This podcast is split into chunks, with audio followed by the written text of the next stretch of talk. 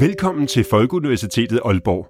Du lytter til podcasten Athene, hvor viden og videnskaben formidles i øjenhøjde med dig. God fornøjelse.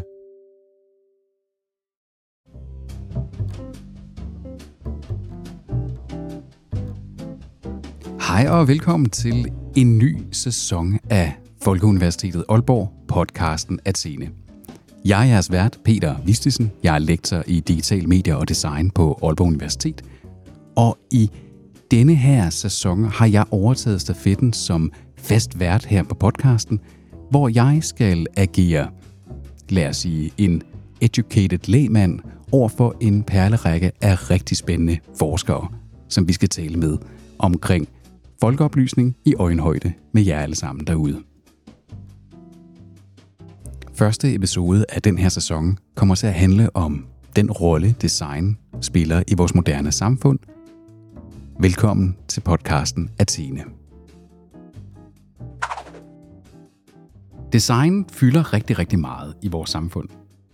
Blandt andet så har du måske en af de danske møbelklassikere stående hjemme i stuen, som er lavet af en designer. Eller også er design noget, som der sætter prismærket i væsentlig del op, når du er ude og købe nyt tøj. Eller også så er design noget, du primært forbinder med kunsthåndværk. Men design fylder også meget i andre områder af vores samfund. Der er blandt andet design, når det er, vi designer IT-systemer til at logge ind og se din skatteopgørelse. Der er også design, når det er, at vi prøver at arbejde, hvordan vi kan blive mere bæredygtige i vores forbrug. Og der er sågar også design, når vi kigger på, hvordan virksomheder de kan lave bedre forretning. Men hvis design lige pludselig kan være alt muligt, hvordan bliver vi så egentlig klogere på, hvad design egentlig er, og hvordan design egentlig skaber værdi i samfundet? For at blive klogere på det, så har vi i dag allieret os med lektor i design på Aalborg Universitet, Institut for Kommunikation og Psykologi, Søren Bolvig Poulsen. Velkommen til, Søren. Tak for det, Peter. Vi skal i løbet af sådan en lille times tid her, der skal vi prøve at sådan, jeg tænker at snakke os lidt igennem både sådan designforståelse, både fra den lidt smalle ende og op til sådan den helt brede, sådan, hvor, hvad design egentlig kan være. Og jeg tænker, at jeg godt kunne tænke os, at vi kunne prøve at nå til at give lytterne et svar på, hvordan design egentlig skaber værdi i samfundet. Ja, det bliver rigtig spændende. Men Søren, vil du ikke lige starte med at fortælle lidt om, hvad laver du til daglig? Du er forsker på kommunikation og psykologi. Ja, og øh, her har jeg en del stilling, hvor jeg dels øh, underviser vores øh, studerende i designmetoder, designprocesser, men jeg øh, har også en stilling, hvor jeg forsker, og øh, det er særligt omkring strategisk design, og øh, det kan være sådan noget som designtænkning, det kan være, hvordan vi inddrager brugere i designprocessen, men også hvordan vi får øh, involveret relevante stakeholders fra eksempelvis organisationer. Og der siger du jo allerede en masse ting her, at øh, strategisk design for eksempel, og design-tænkning, og jeg tænker, det er sådan nogle af de her, man sætter design sammen med mange ting. Øh, jo, jeg forsker jo også selv i mit, øh, mit eget virke med design, og møder jo også det her med, at du kan næsten ikke øh, møde noget, hverken forskning i design, eller noget, øh, skal man sige, arbejde med det i sådan du sætter design sammen med noget andet. Tror du, det er sådan lidt, at, at, det er, at design har sådan lidt en skjul bagside i det? Jeg tror, der er rigtig mange lægmænd, der tænker sådan, design er jo bare design. Designer, når noget er formgivet mm. eller pænt og sådan. Eller jeg ved ikke, møder du det, når, det er, når du skal forklare folk, hvad du laver? Har folk misforståelse om design? Ja, det øh, oplever jeg i høj grad. Eksempelvis, når man sidder til en julefrokost og fortæller, at man, man forsker og underviser i design, og øh, i mm. forbindelse med interaktive digitale medier, jamen øh, så handler det ofte om, de spørgsmål, man får, handler ofte om, hvad er det for nogle ikoner, der bliver brugt, hvad er det for nogle øh, interaktionsformer, og det er sådan den, den forståelse af design, som der er den udbredte. Det er så meget overfladen på det hele, det man kan se. Det er det, man kan se. Det er der, hvor man øh, interagerer, og det er den, øh, den flade, der bliver skabt. Men design stikker jo dybere end det. Betyder det så, nu, nu står jeg med en kaffekop i hånden. Vi sidder her og snakker, og min kaffekop, den ligner Spider-Man. Øh, så det er der jo en eller anden Disney-Marvel-person, der har på et tidspunkt valgt at sådan sige, vi formgiver en kop som Spider-Mans hoved, gør den rød, har Spider-Mans øjne, fordi det kan sælge til sådan en nørd som Peter Vistisen. Øh, altså, er det så ikke design? Altså, er det først design, når det kommer under overfladen, eller, eller kan man snakke om at sige, det her det er bare en slags design? Mm. Jamen, designet er jo selvfølgelig af den, den fysiske kop her, men det handler jo også i høj grad om, hvad er det for... Altså, en forståelse af, hvad, hvad du gerne vil identificere dig med. Ja, så, altså, så det er sådan med at sådan sige, fordi den ligner Spider-Man, så skaber det noget for mig, der gør den til mere end en kop. Altså, jeg kan drikke af den. den det, det, er jo det, det er jo, hvis, ellers var det en rigtig dårlig kop. Men det gør noget, at den også er en Spider-Man-kop, og ikke Ja. bare en... Øh, Og den er med til at signalere, at øh, du går op i de her øh, superhelte-universer. Og, Så der er sådan et eller andet med, at design så på i hvert fald et eller andet niveau handler om, hvordan vi sådan symbolsk også udtrykker noget om, hvem vi selv er som mennesker. Det er ikke bare ren funktion. det er ikke rent funktion, nej. Der er også noget, den symbolske del af det.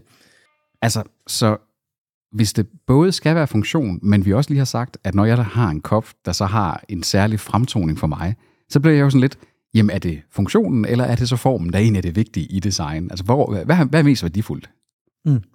Jamen, øh, for at vi kan, kan hjælpe os med at kunne øh, distancere imellem de her forskellige kvaliteter, et design kan have, jamen, så kan vi øh, orientere os imod Richard Buchanans øh, Four Orders of Design rammeværk. Richard Buchanan, så hvem er han? Richard Buchanan, han er øh, en, øh, både en, en forsker, men også en øh, praktiker, der har sit eget øh, bureau, øh, hvor han hjælper organisationer. Og Richard, og, og, og Richard Buchanan, siger du, han har så et eller andet... Han har, han har prøvet at, at, at dele det her designbegreb lidt op. Ja, han har bygget øh, en model op, som har øh, fire øh, niveauer. Ja, Det første niveau, det, er, det handler omkring kommunikation, og her ser vi på, hvad det er for nogle øh, symboler, man får øh, skabt. altså er det så, at, at sådan sige, hvis man skal have et eksempel på, hvad vil den her første, første niveau af design så være? Er det, øh, er det når jeg ser et billboard-reklame ude i busset, øh, i et busskur for eksempel, hvor med en reklame, er, vil det være et, et første ordens design så? Det vil være et førsteordens design, ja. Der er fokus på det grafiske og det visuelle design. Altså, hvor, hvorfor er det så første orden, sidder jeg tænker? Altså, er det fordi, at det er det mest grundlæggende, at det er noget, hvor vi sådan siger, en design handler om, at vi kan bruge nogle ting, som jeg forstår, hvis jeg ser en reklame for Colgate, og jeg ser et billede med nogle personer, der har unaturligt hvide tænder, at så ved man simpelthen, at så, så kan vi via det her grafiske design kommunikere, at jeg skal forbinde, at den her kan føre til det der. Altså, det er simpelthen, at, at det er sådan, det det, right, det, er det, vi snakker om, det er overflade, ikke? Det, mm-hmm. Der er ikke rigtig noget under neden, der er andet, end at vi kan forstå overfladen på det.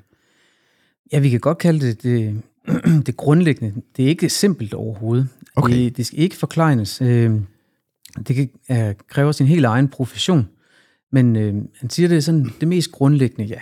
Så er det det, vi kan bygge ovenpå. Okay. Så man bygger, så man, så, så man skal se hans model, som er sådan at sige, at, at det ene forudsætter ligesom, at så, der skal være, der vil næsten altid være noget andet, før vi kan have nummer to niveau. Så altså, vi vil altid have nogle symboler og tegn og ting og sager, før vi begynder at have den, de næste niveauer. Så kan vi bygge ovenpå dem, ja. Okay. Men vi kan jo godt have eksempelvis et møbel. Øh, og et ja. møbel vil ikke nødvendigvis have symboler og tegn på sig. Øh, men et møbel vil jo så være et produkt, et fysisk produkt. Ja. Og der går vi op og kigger på anden orden af design. Alright. Hvad kalder han den så? Det, det bliver kaldt for objekt og artefakt. øh, Okay. niveauet. Så det er den, hvor man har sådan sige, design er også på en eller anden måde noget, man kan tage og føle på i en eller anden forstand. Øh, Jeg går ud fra, at man også godt kan snakke om, at digitale, altså immaterielle artefakter så. Ja. Ja, fordi, fordi hvis, det, hvis det er der, hvor at man snakker om, at, at tingene også har sådan en, en håndterbarhed, så kan jeg godt se, at jamen, en sofa eller en stol, vi, øh, så hvis, hvis den ikke var behagelig at sidde i, Mm-hmm. så, øh, så vil jeg lynhurtigt forholde mig til at sige, at det er, en, det er en dårlig stol. Men jeg vil ikke forholde mig så meget til, om det var en dårlig stol, hvis den var rød, eller hvis den var blå. Der vil være, vi være sådan nede på sådan at sige, det er faktisk de der, det første niveau, der så er indlejret i stolen vel et eller andet sted. Så at, at der, der spiller de to ting vel så sammen. At, at jeg følger en modelune, jeg har købt en rød sofa for eksempel måske. Øh, men det ændrer ikke på, om stolen er hård eller fast, eller på en eller anden måde at, at, at sidde i. Det, det er vel så det, der ligger i det her andenordens ni- niveau, at jeg faktisk forholder mig til, hvad er det egentlig, det her det produkt, det skal være godt til. Mm-hmm. Så, så der, øh, der får man ligesom bygget videre på det, eller man, man får lagt en ekstra dimension ind, den Mm. mm. tredje dimension. Så her handler det om den, den fysiske formgivning. Hvordan får vi skabt noget, som kan være øh, rart at sidde i? Hvordan kan vi få skabt noget, som er godt at gribe omkring? Ja. Øhm, det kan, kan man sige, så begynder det også sådan lidt at, at sige, hvordan taler det til os? Øh, og på en eller anden måde, så begynder det også at tage fat på det næste niveau, som så handler omkring interaktionsdesign. Interaktionsdesign, så det, den, den tror jeg jo, at vores lyttere lige skal have, fordi jeg tror, vi kan forholde os til, at der kan være fysisk design og noget, der sådan er grafisk-agtigt design. Mm. Interaktion, det er jo bare noget, man gør. Ja, interaktionen, det er jo så der, hvor øh, hvad hedder Richard Buchanan, han udfolder det begreb og siger, jamen det kan dels være den interaktion, du har med eksempelvis et digitalt medie, men det kan også være den interaktion, du har med PostNord.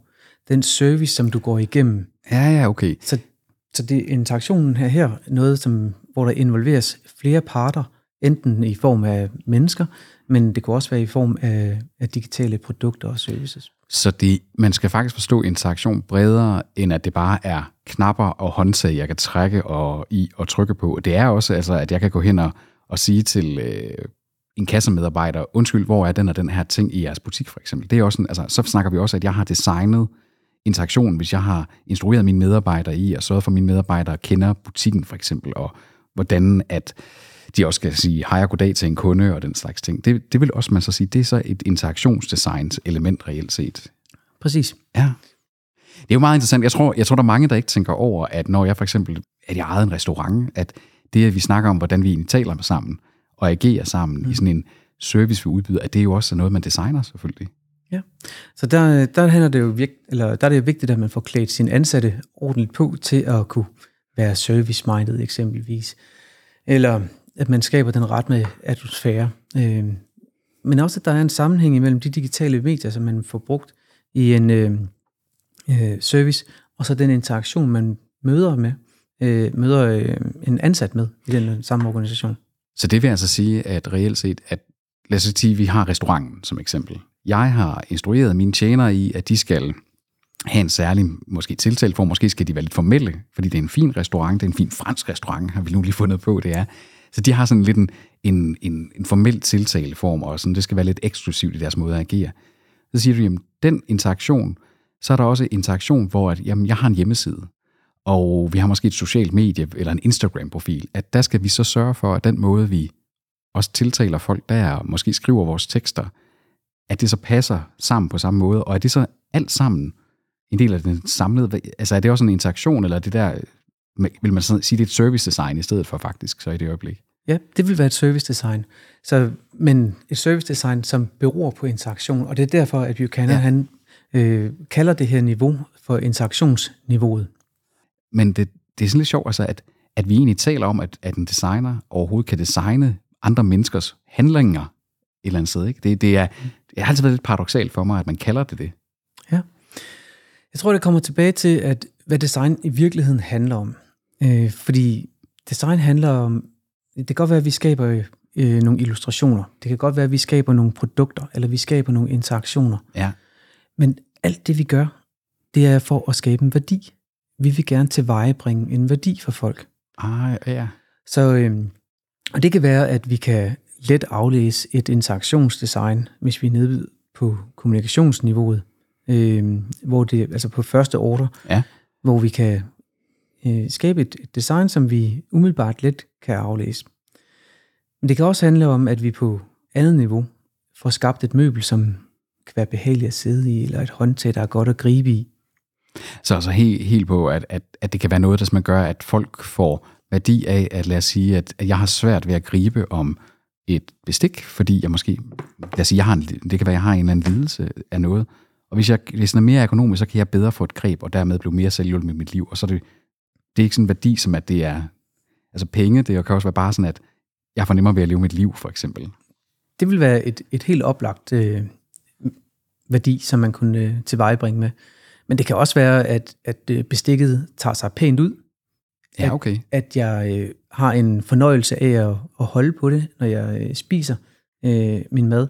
Og så kan man sige, hvis det så kan føres over til, at det kan gøre, at personer er mere selvhjulpende, hvis de nu lider af et handicap, så er det en helt anden type værdi, vi er, vi er over at tale om her.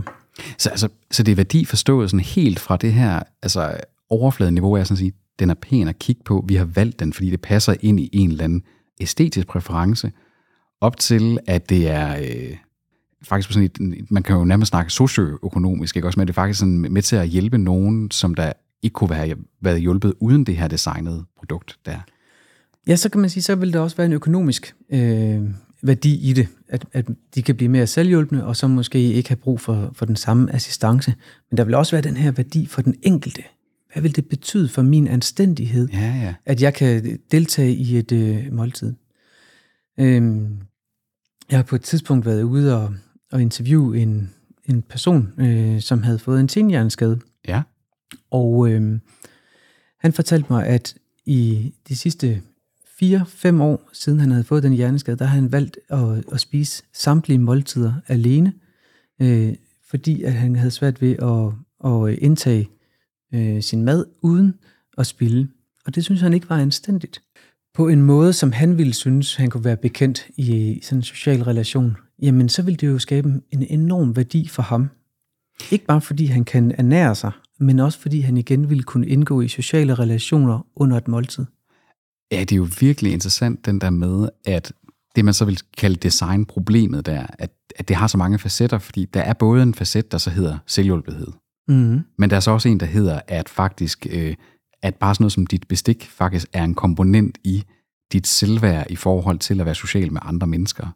Øh, og, og det er jo selvfølgelig en edge case her, når det er en med et handicap, man snakker om, men det viser jo, at problemet er sjældent bare lave en grøn, øh, en grøn gaffel, eller lave noget, der er nemmere at holde ved. Det, det virker som om, at for hver af de her lag, er der flere problemer nærmest, der står Mhm. og, og taler sammen, og måske også, måske også nogle gange peger hver sin retning. Og øh, man kan sige, det er også blevet, hvis vi nu snakker om, om øh, kommunikationsdesign i, et, i sådan sin simple form, med at få lavet et, et interface, jamen øh, der kan man sige, det er blevet lettere for designeren, fordi der er nogle biblioteker, vi kan anvende for, øh, hvordan skal ikoner være. Så, øh, så her kan man sige, hvis man først har fået afkodet, hvad det rigtige problem er, Mm. jamen øh, så, kan, så har vi ligesom fået øh, tæmmet problemet. Så er vi lettere ved at gå ind og løse det. Men hvis vi begynder at anerkende alle de facetter, som du nævnte før med, at der både kan være en social dimension, der kan både være en ergonomisk dimension, der kan også være en dimension omkring anstændighed og ernæring, øh, som kan være vigtige, jamen øh, så åbner vi problemet op, eller så åbner vi situationen op. Ja. Øh, så ja, der vil være flere facetter. Og det er en af de særlige kompetencer, som øh, design er god til at håndtere. Og jeg går ud fra, at når du så siger, at det er noget, det design er god til at finde ud af, så er det vel også, hvordan opløser vi, når sådan nogle ting, de ligesom modstrider hinanden, eller arbejder lidt imod hinanden. Man kan sige, at design er- handler om at kunne øh, skabe kompromiser. Ja, øh, og, og ligesom kunne få øh, skabt en løsning, som balancerer øh, ofte øh, tvetydige informationer og modstridende behov, og få skabt en syntese. Få skabt en syntese, hvor vi øh, finder den, en fornuftig balance øh, mellem de her forskellige parametre, når vi først ved, hvad, hvad parametrene er. Men tit, når vi går ind i en situation, hvor vi skal, skal have skabt et øh, eksempelvis et bestik for at blive der, jamen øh, så vil vi typisk først tænke, at det handler omkring det, det fysiske design alene. Så hvordan vil jeg bedst kunne gribe om det? Men, men andre elementer, hvis vi er ydmyge, og vi går ind i, i udfordringen med et sind, som tillader os selv at blive overrasket, jamen øh, så vil vi opdage, at der er andre dimensioner af problemet.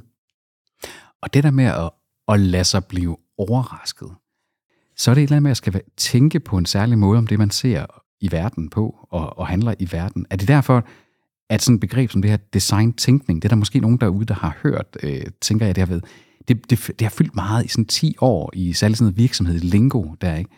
Er det der, det kommer af? Er det simpelthen fordi, at, at det kræver næsten lige så meget, at man tænker på en særlig måde, som at man kan udøve en eller anden form for håndværk på en særlig måde, når man designer? Ja, det vil jeg i høj grad sige. For mig at se, så handler design om, og designtænkning om, hvordan vi får skabt en værdi. Så det er, at man sætter værdiet, værdien, den værdi, man gerne vil øh, opnå, at man øh, indledningsvis prøver at få defineret, hvad er det egentlig, der kunne være det værdifulde? Hvad er det egentlig, der er det relevante, vedkommende for dig som, som bruger? Altså helt oprigtigt forsøg at skabe noget, som kan berige menneskers liv. Det er det, som jeg vil sige, at, at det centrale øh, for det. Og så arbejder man sig ud derfra, når man har fundet øh, ud af værdien. så kan det være at finde ud af, hvad er det så for et produkt, vi skal lave. Hvis vi vender tilbage til øh, bestikket, jamen, det kan godt være, at det slet ikke handler om bestik. Øh, det handler måske mere om, at måske skal det være en robotarm, der kan hjælpe dig Ah, ja. til at føre maden. Men det kan måske også have noget med maden at gøre. Måske skal maden produceres på en anden måde. Så ved at forstå, jamen, den værdi, vi gerne vil tilvejebringe, det er, at du kan have en, et øh, måltid, som er en social relation med andre igen. Det er den det, det, det værdiniveau, vi gerne vil, øh, eller den værdi, vi gerne vil tilvejebringe. Men det produkt, vi vil tilvejebringe det med, det har vi slet ikke defineret endnu. det er jo vildt interessant, ikke? Fordi hvis man tager sådan en som Buchanans model, vi har snakket om, fra øh, første niveau, der er de her tegn og symboler og det kommunikative, op til produkt, artefakt, ergonomi, og så op til det her interaktions- og serviceniveau, det er jo meget fokuseret på outcome, at, at sådan sige, det er den, vi kunne nærmest proppe forskellige typer af ting, man kunne designe ind i dem her. Det andet her ligger sådan lidt op i, at sådan, jeg kan godt lide, at du skiller mellem at sige, vi starter med værdien, man kan også sige, hvad er det for et problem, vi skal løse, mm. og ud fra det kan man så lave mange af de her slags produkter. Det kunne man måske faktisk lave en repræsentant i hver af de indtil videre tre ordner, vi har snakket om, som løsningsforsæt. Du kunne måske lave noget, der... Det kunne også være en, en at man lavede en kommunikationskampagne, øh, der handler om at give rum til folk, der er anderledes og har, og har måske handicap i samfundet. Det kunne være en kampagne mm. i stedet for, ikke? At Ja. det, og det, og det jo På første niveau, ja. på første niveau, ja. Og andet niveau kunne jo så være robotarmen, eller øh, det bestik, som, som muliggjorde, at man kunne spise Ja. på, hvad den, den pågældende person her ville mene var en anstændig måde. Ja. Øh, interaktionsniveauet, servicen der, jamen det kunne jo handle om, at det måske var, man havde noget plejepersonale, som, som øh, bistod i, øh, spisesituationen, eller på anden vis havde en, en service, som tilvejebragte det. Øh, det kunne være frivillig borgerinddragelse. tre løsninger på, der kunne give værdi til Mm. et problem, ikke? Som man, og, og hvor man kunne have snævet ind og så sige, øh, det kunne være, der havde været andre værdier, der havde været i spil. Det kunne være, det ikke var selvhjulpenheden og den sociale interaktion. Det kunne være, at det var hastigheden, hvor et måltid kunne overstås. Hvis man nu sagde, jamen, så vil jeg egentlig bare gerne til bords og, og snakke med folk, mens de spiser, men så skal jeg selv have overstået spisningen, uden det bliver for stressende. Det kunne være et andet, et, en, en anden værdi, og så vil vi ud af det garanteret have brainstormet andre designløsninger nu. Ja. Er der sådan en, altså er der en struktur for, hvordan designprocessen her, når man design tænker, den kører? Jeg, jeg kan se, du, du, har, du har nogle modeller med, nemlig, i forhold til, at du, du har sådan en, hvor det, den, en, øh, en, der lukker op og i der. Den synes jeg er lidt spændende at snakke om.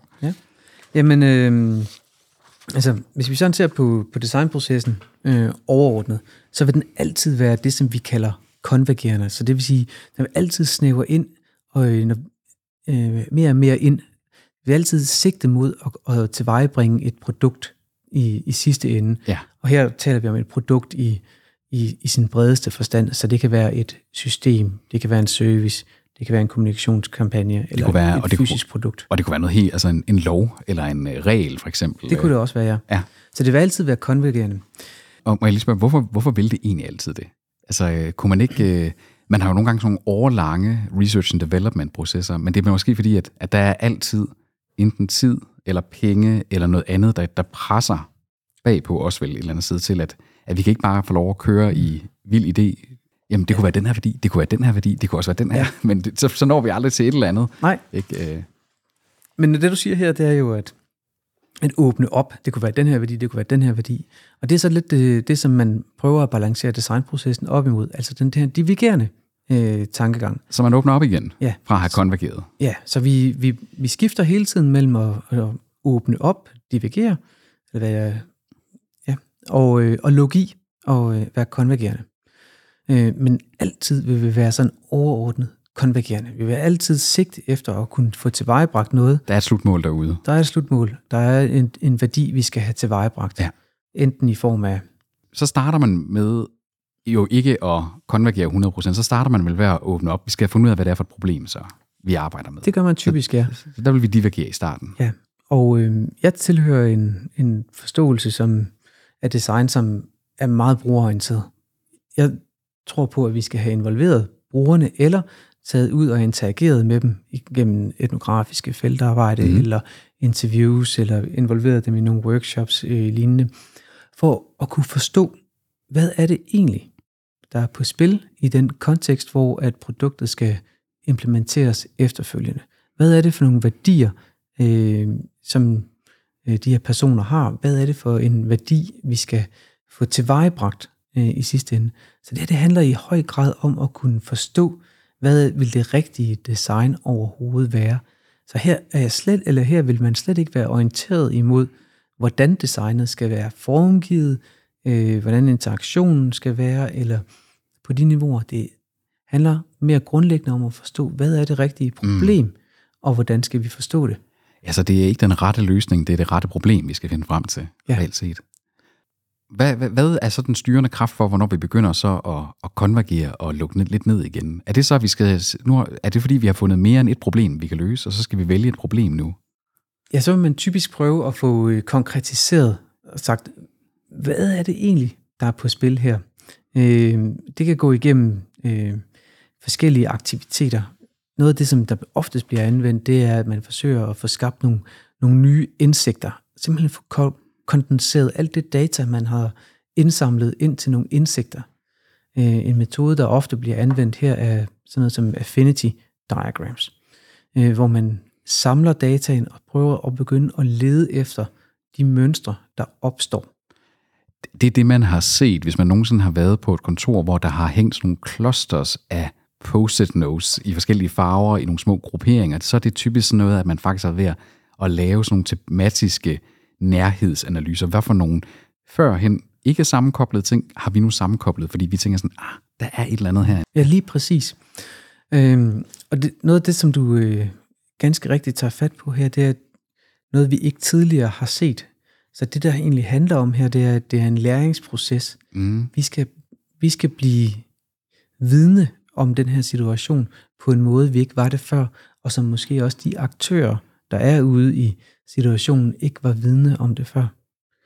De, vi kan sagtens rende rundt og have en praksisform, hvor vi ikke er opmærksomme på, hvordan vi selv handler, fordi vi er midt i situationen. Så det er ikke altid, vi er i stand til at kunne i talesæt, hvad det er for nogle behov, vi har, eller hvordan vores ageren øh, har indflydelse på den situation, vi er i. Det, det vil faktisk hele årsagen til, at man ikke bare kan gå ud og spørge folk, hvad de har brug for. Altså, det, der er den mm. der øh, berømte Henry Ford øh, saying der med, at hvis han havde spurgt folk om, hvad de havde brug for, så havde de sagt en hurtigere hest. Mm. De havde slet ikke kunne forestille sig, at det, de havde brug for, det var en prisøkonomisk automobil. Derfor kan det fungere utrolig godt at komme ud med et par, skal vi kalde det, friske øjne, og, øh, og se på den praksis, der, der udspiller sig. Men det handler også om det mindset, man har iklædt sig, når man går ud i ja. praksis for at observere. Øh, øh, Barth, øh, som er en øh, antropolog, har talt om, at det, det handler om, at man skal være i stand til at, at lade sig overraske. Og hvis man eksempelvis skal udvikle et nyt bestik, jamen, så kan vi godt sige, vi, vi ved allerede, hvad et bestik er. Jeg spiser med det hver dag. Jeg har en god forståelse af det. Jeg kan sagtens sætte mig ned og designe et nyt bestik, uden at jeg behøver at tage ud og forstå spisesituationen igen. Men i den her situation, hvor finder vi jo lige pludselig ud af, jamen spisesituationen handler også om social interaktion, det mm. handler om anstændighed, der kan være rigtig, rigtig mange dimensioner på spil. Og det er det her, det handler om at komme ud og lade sig overraske og tillade sig selv at blive overrasket. Det kan være rigtig, rigtig svært. Øh, det kræver øvelse og erfaring, øh, og at man tør gå ud og, og have paraderne nede.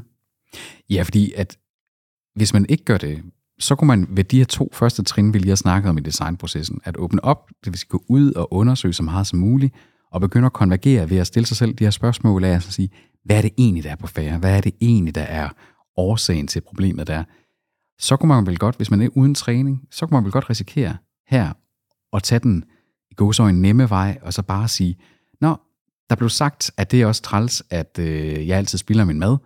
Det er vigtigt, at vi laver en større ske, som der kan være mere mad på den, så den ikke glider af. Ja. At man tager de der meget umiddelbare udtalelser, sådan, hvad, og så leder vi efter, at folk skal sige, hvad de har behov for, i stedet for, at vi faktisk se, hvad er årsagen til, at deres problemer overhovedet opstår. Mm. Og så kan der være en anden, der siger, jeg vil gerne have et lidt bredere skaft. Så har vi et bredere skaft, og vi har en dybere øh, ske, der kan indeholde mere. Men det kan jo godt være, at, det, at løsningen var et helt andet sted. Og, og det afskærer vi os fra, hvis vi behandler det problem, den udfordring, øh, vi har som noget, vi umiddelbart kan i tale sætte, noget, som vi let kan håndtere som et tamt. Et tamt problem er det modsatte af et wicked problem.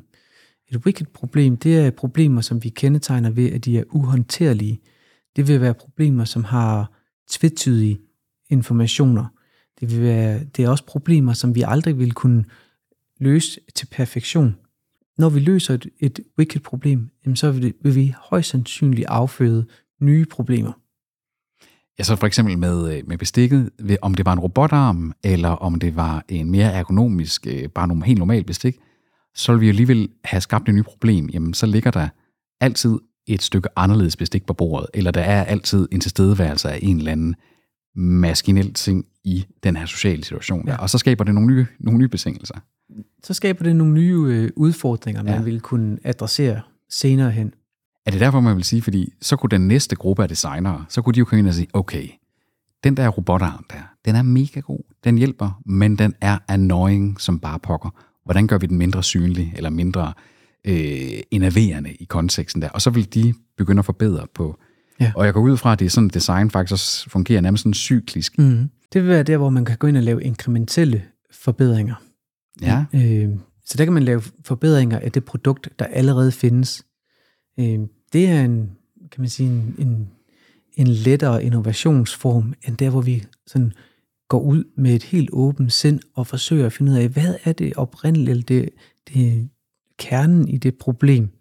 Det er en radikal forandring. Vil det så være, nu tænker jeg bare højt, hvis det var, at jeg som designer gik ind og sagde, at det reelle problem her, det er jo vedkommendes motorik faktisk er dårlig. Øh, og jeg sammen fandt ud af, at der var nogen, der havde arbejdet med en eller anden ting, der faktisk forbedrede motorikken. For eksempel, det kunne være en håndledskinne, der, der hjalp et eller andet. Som siger, så har du ikke bare forbedret spisesituationen, så har du faktisk afhjulpet et motorisk problem generelt. Det kunne det være, ja. Det kunne også være, at vi valgte at sige, vi prøver at redefinere, hvad maden er. Ah ja. Så at når man får serveret et måltid, jamen så vil det ikke bestå af kartofler, et stykke kød, sovs og så videre, men at det så kunne være måske noget, som har samlet smagen i nogle enkelte komponenter. Som, der er øh, en virksomhed her i Aalborg, som har Created Real, der har arbejdet med, hvordan man kunne 3D-printe øh, fødevarer ja, til øh, folk med, med, med fysiske handicap og ældre. Ja, det er jo virkelig interessant, den der, fordi så begynder vi også at koble, at det ikke bare er ting, som man ikke nødvendigvis havde set, der var sammenhængende, så begynder vi også at koble fagligheder sammen lige pludselig, at øh, om det var en, øh, en eller anden robotagtig skinne, man monterede på vores krop, det jeg forestiller mig, sådan en helt Iron Man-agtig øh, ting der, mm. eller om det er, vi pludselig siger, okay, det er noget med noget fødevarekemi, og det er noget med noget 3D-print, samlet sammen med noget, vi egentlig måske starter med at tro, der var et stykke industrielt øh, design af bestik, ikke? Altså kobler vi også fagligheder sammen på ja. måder, der var originale. Og så begynder vi faktisk at bevæge os lidt op på det fjerde niveau. Det fjerde niveau i Buchanans model, der. Det fjerde niveau i Buchanans model, ja. fordi her kommer vi op og arbejder med det øh, system, som øh, der skal muliggøre, at vi kan få produceret sådan noget mad. Det er lidt svært at få defineret, hvad det egentlig er, der udspiller sig på det her fjerde niveau. Men det er også her, hvor vi kan arbejde med øh, en virksomhedsstrategi. Ja. Øh, hvad hedder, Buchanan, han øh, arbejder med, at man siger, at det er principper.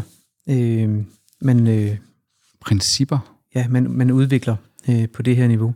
Og øh, han betragter en princip som en idé eller en værdi, som skaber en sammenhængskraft for organisationen eller det her system, produktet eller oplevelsen. Så det kan være lidt svært at få sådan helt præciseret ned, hvad det kunne være. Sådan som mig, der arbejder med IT, jeg sidder jo og tænker, jamen, er det så et, som et, et software-system? Men det er bredere forståelse af det end som så, så. Det er en bredere forståelse, ja. Så i det her tilfælde, jamen, så kunne det være det system, som muliggjorde, at man kunne få øh, skabt den mad, få den leveret hen på øh, plejecentret, øh, så den ældre ville kunne øh, fortage eller spise den sammen med sine øh, pårørende. Så hvordan man får skabt det system, det er det, der udspiller sig på det fjerde niveau.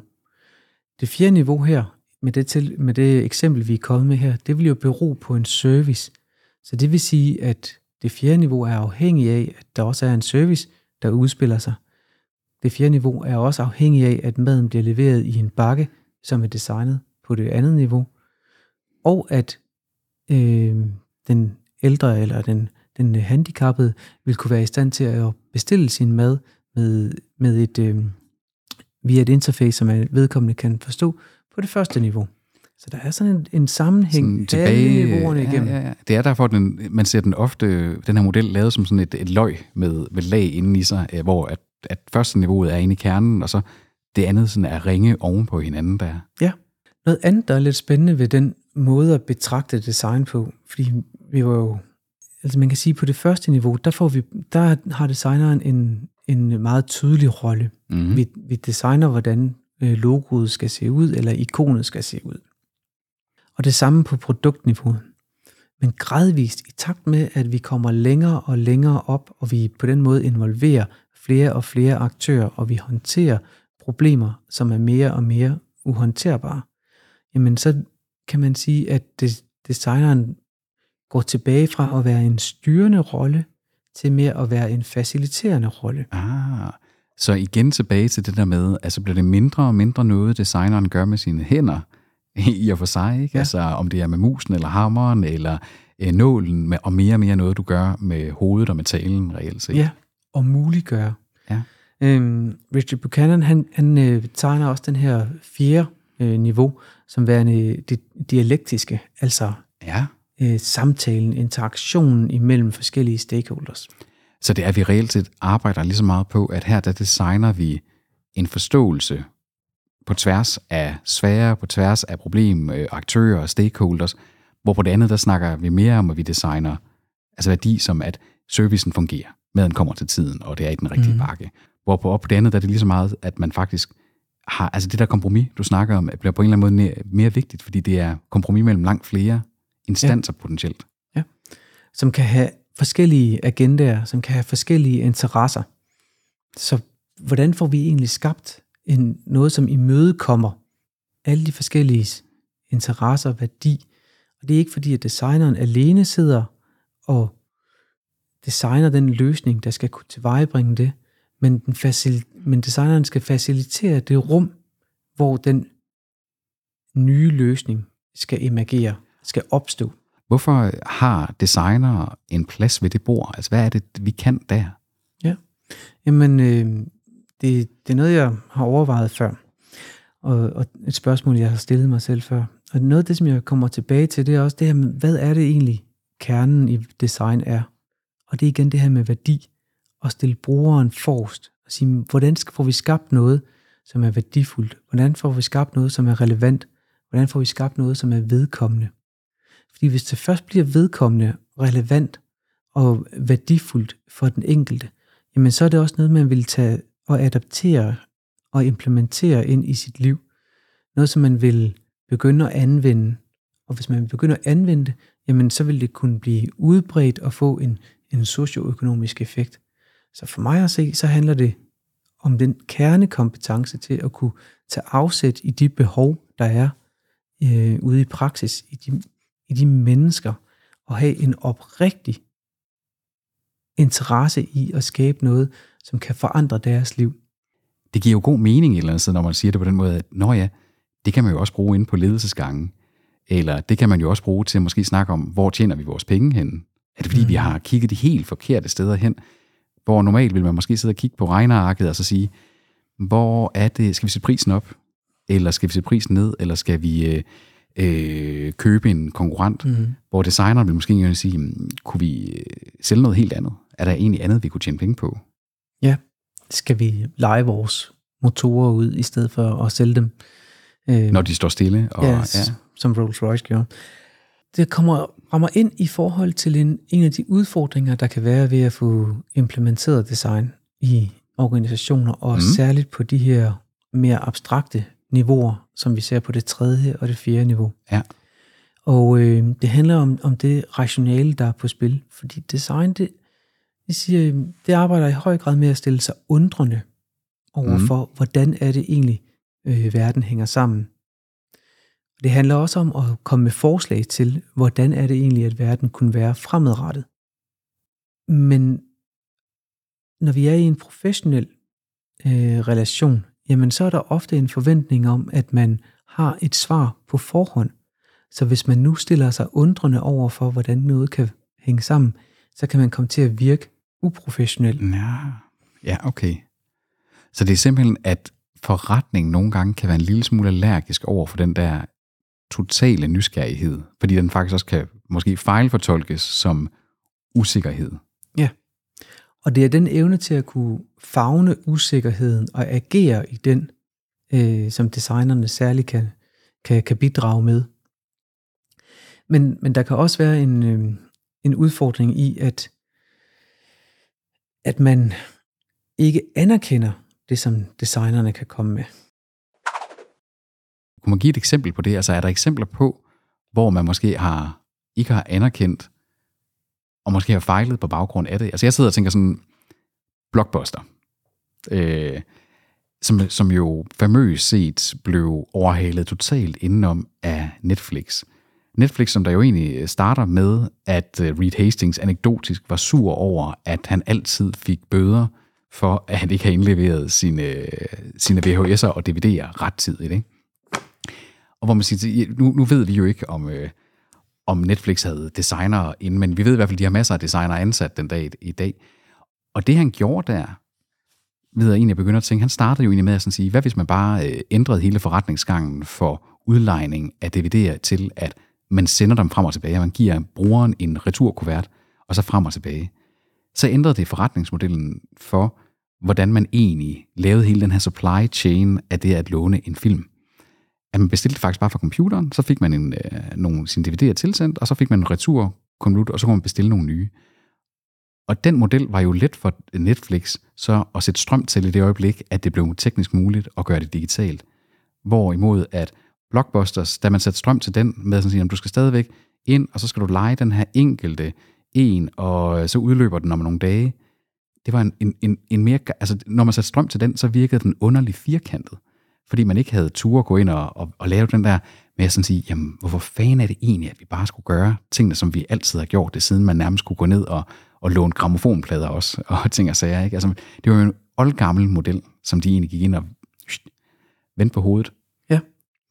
Og fik øh, reframet. Ja, jeg lige præcis ændret helt øh, må, måden at tænke på det. Jeg sidder og tænker sådan, det, er jo, det var sgu et eller andet sted, at der redesignede man jo sin forretningsmodel baseret på sådan empati med den situation, den største frustration, der var i det her marked. Øh, alle har skulle prøve at, og øh, enten må betale eller få en bøde for øh, i gamle dage at, at låne en DVD eller en VHS i for lang tid. Ikke? Mm. Øh, og jeg ved, jeg har læst et sted, at Blockbuster flere gange var blevet adspurgt omkring det her med abonnementsordninger og ting og sager. Og de affejede det, som jeg sagde, nej, fordi at vi har evidens for, at øh, forretning, det var et eller andet med, hvor meget de kunne tjene per kunde, var højere på at få folk til at køre ned, fordi på den måde, så ville de jo ofte forlade stedet med to VHS'er i stedet for en VHS og sådan ting. Mm. Det er igen det med, sådan det der, hvad, hvad kunne de forudse? Det er spændende, fordi det handler jo både her, det eksempel, du, øh, du bringer frem, om at forstå, hvad er det egentlig for nogle behov, der er derude, eller hvad er det for nogle behov, der kan være i fremtiden. Ja.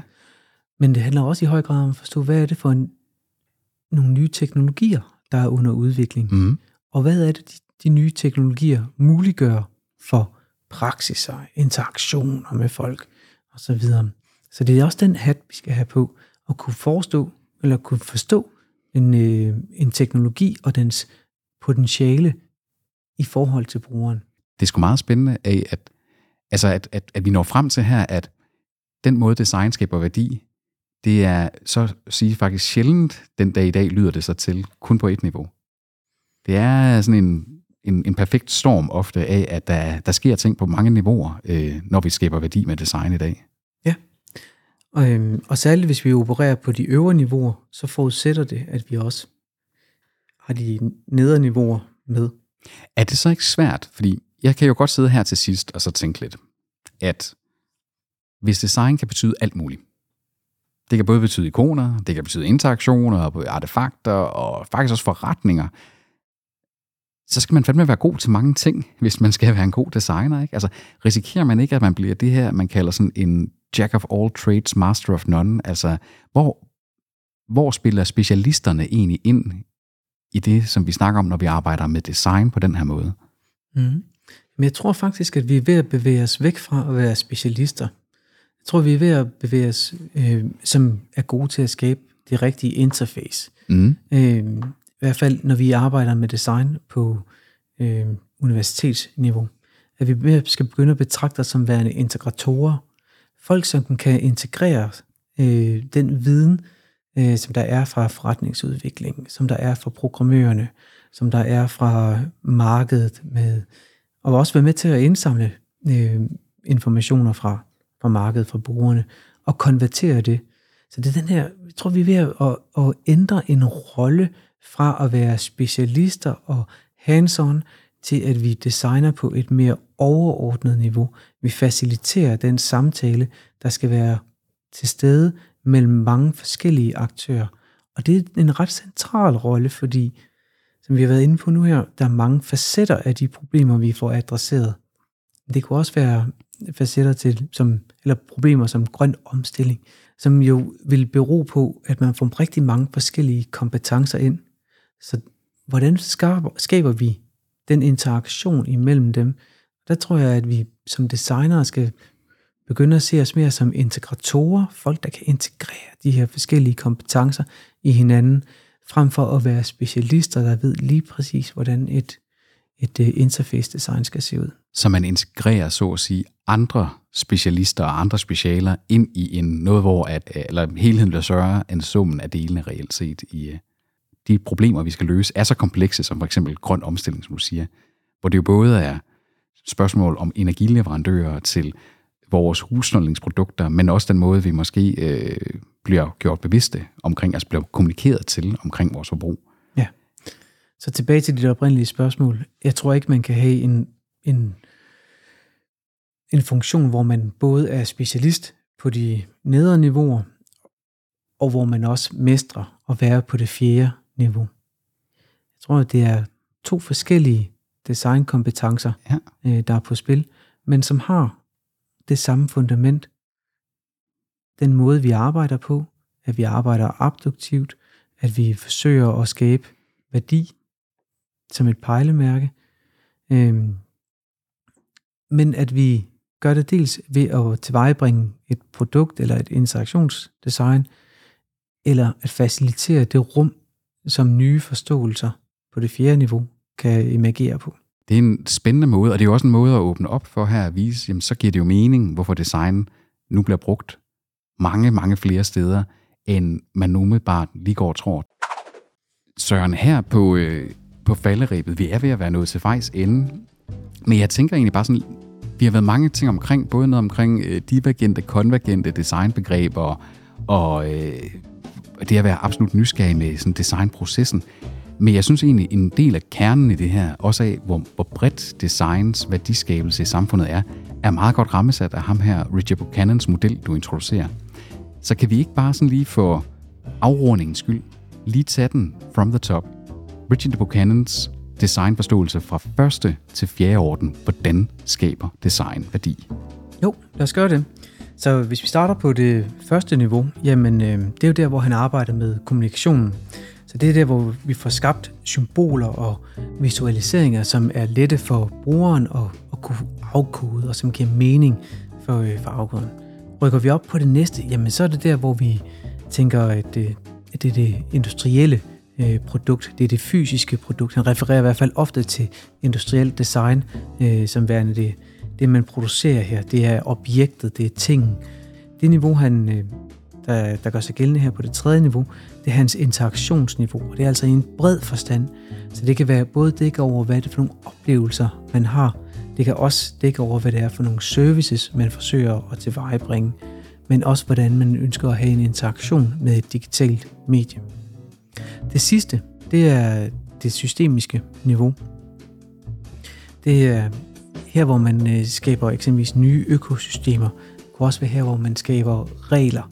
Øh, så det handler om at skabe nye forståelser, skabe ny viden. Så det er sådan de her fire forskellige niveauer, hvor design spiller en rolle inde på alle niveauer, men en meget forskellig rolle. Og alle roller noget, hvor det er det design skaber værdi på hvert niveau. Det værdiskabende er det helt centrale. Det er ryggraden hele vejen igennem. Så fra at design kan skabe værdi både for det, vi umiddelbart kan se, til de her systemiske sammenhænge, som vi indgår i ekstremt mange af hver dag, uden måske at tænke helt over det, så har vi her virkelig, virkelig fået udvidet det designbegrebet, tror jeg, i forhold til, i hvert fald hvis man starter med at tænke, at design bare handler om, hvordan min Spider-Man-kop den, øh, er formet og ser ud, og den kan indeholde noget kaffe.